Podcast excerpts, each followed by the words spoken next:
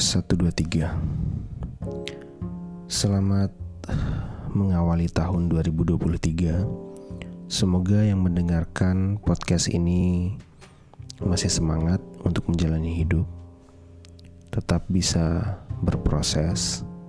Semoga apa yang kalian cita-citakan Apa yang ingin kalian capai di tahun ini Bisa tercapai dengan memuaskan tentunya Oke, di episode ini ini malam-malam saya merekamnya. Eh, sebetulnya di tahun 2023 eh, khususnya untuk mengawali tahun ini saya ingin eh, menceritakan atau mengisi podcast audisi dengan bahasan yang bisa diterima oleh banyak segmen tidak hanya orang yang bergelut di filsafat tentunya.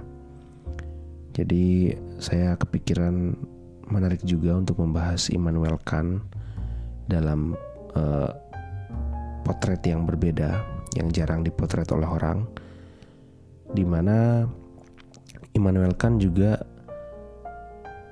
ternyata pernah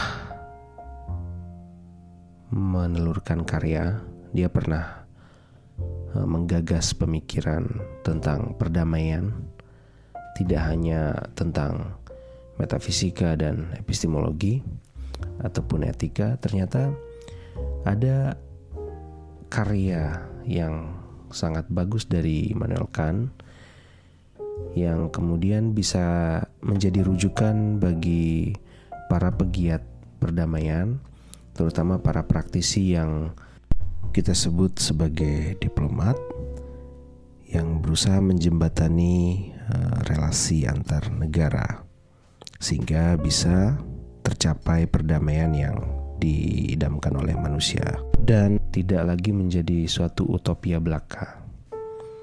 Tapi sebelum uh, di episode episode berikutnya saya membahas tentang bagaimana pemikiran Kant tentang perdamaian, terutama atau lebih khususnya yang ia sebut sebagai perdamaian abadi, seperti apa? Di episode ini saya akan mengawalinya dengan pembacaan biografi yang sangat singkat dan tidak naratif. Jadi ini hanya sebagai babak sejarah ya di tahun sekian ada kejadian apa dan seterusnya dan seterusnya. Oke, kita mulai dari kelahiran Khan. Dia lahir tahun 1724, tepat tanggal 22 April. Dia lahir di Königsberg. Kemudian tahun 1730 sampai dengan 1732 ia sekolah di Forstadter Hospitalschule. Kemudian tahun 1732 sampai dengan 1740 dia sekolah di Collegium Fridericianum yang mendukung gerakan pembaruan Protestan. Jadi dia digodok eh, pengetahuan agamanya di sini di Collegium ini. Tahun 1737 adalah tahun yang sangat kelam dan menyedihkan bagi Kan karena ibundanya meninggal dunia. Tahun 1740 sampai dengan 1746 dia pernah ikut kuliah filsafat, matematika, ilmu pengetahuan alam dan teologi di Universitas Königsberg. Tahun 1746 ayah tercinta meninggal dan dia menulis satu karya yang bisa dibilang ini adalah karya perdananya yaitu risalah pertamanya yang berjudul Gedanken von der wahren Schätzung der Lebensdigen Kräfte yang diajukan kepada Fakultas Filsafat dan terbit pada tahun 1749. Di tahun 1747 sampai dengan 1754 dia menjadi guru pribadi pada tiga keluarga di sekitar Königsberg. Tahun 1755, Dia merilis karya yang berjudul Allgemeine Naturgeschichte und Theorie des Himmels. Kemudian di tahun ini juga kan uh, promosi ya, dia mengajukan disertasi di Königsberg dengan judul De Igna. Di samping itu di tahun ini juga kan memperoleh hak untuk mengajar pada universitas dengan IC Nova Dilucidatio. Kemudian kan menjadi dosen pribadi untuk uh, fil filsafat, untuk cabang filsafat pada Universitas Königsberg. Tahun 1756, tiga risalah mengenai gempa Lisboa. Jadi kan juga pernah menulis tentang bagaimana gempa Lisboa uh, kemudian di tahun ini juga dia mengalami pengalaman yang kurang beruntung di mana dia gagal meraih jabatan profesor untuk logika dan metafisika. Tahun 1758, upaya untuk meraih jabatan profesor kembali gagal. Ini kali kedua dia gagal. Tahun 1762, Herder menjadi peserta kuliah Kan sampai dengan 1764.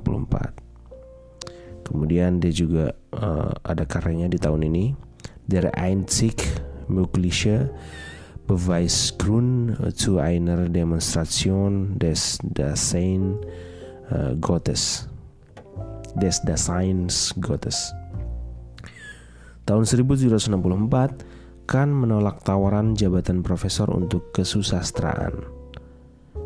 Di tahun ini, dia juga menurunkan karya yang berjudul uh, Beobachtungen über das Gefühl des Schönen und Erhabenen. Dan di tahun ini, dia meraih hadiah kedua dari Preußische Akademie der Wissenschaften, yaitu Akademi Ilmu Pengetahuan Prusia untuk Untersuchung uh, über die Deutschkeit der Grundsätze der natürlichen Theologie und der Moral. Jadi pemikiran-pemikiran tentang uh, filsafat alam, teologi dan etik uh, diberikan penghargaan oleh Akademi Alu, Akademi Ilmu Pengetahuan Prusia. Tahun 1766 dia menjadi asisten kepala perpustakaan pada perpustakaan Istana Kerajaan dan juga menelurkan karya, merilis karya yang berjudul Träume eines Geisters.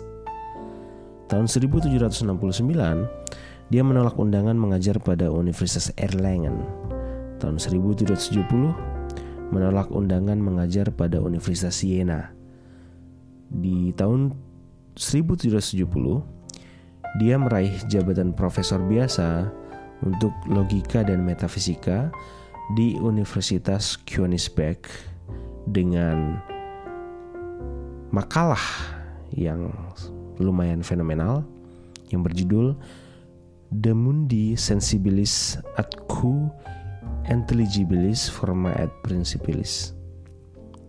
Tahun 1772, dia mengakhiri aktivitas pada perpustakaan istana tahun 1781 dia berhasil menyelesaikan karya yang sangat-sangat monumental yaitu Kritik Akal Budi Murni atau Kritik der Reinen Vernunft. Tahun 1783 karya yang terbit yaitu Prolegomena zu einer jeden Kunstigen Metaphysics ini tentang metafisika tahun 1784 Iden zu einer allgemeinen Geschichte in weltbürgerlicher Absicht dan Beantwortung der Frage Was ist Aufklärung? Jadi ini karyanya tentang apa itu Aufklärung, apa itu pencerahan. Nah ini menjadi banyak rujukan bagi filsuf-filsuf setelahnya yang kemudian uh, dibakar oleh semangat pencerahan itu. Tahun 1785 uh, karyanya yang terbit yaitu Grundlegung zur Metaphysics der Sitten. Ini tentang metafisika.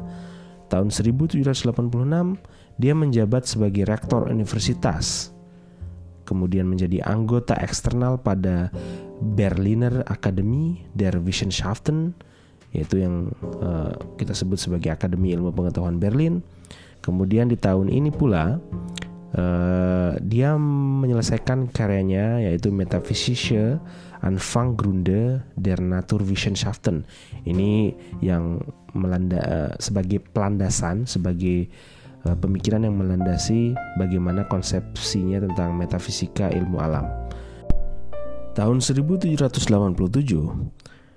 Edisi kedua dari Kritik der Reinen Vernunft atau Kritik Akal Budi Murni dirilis.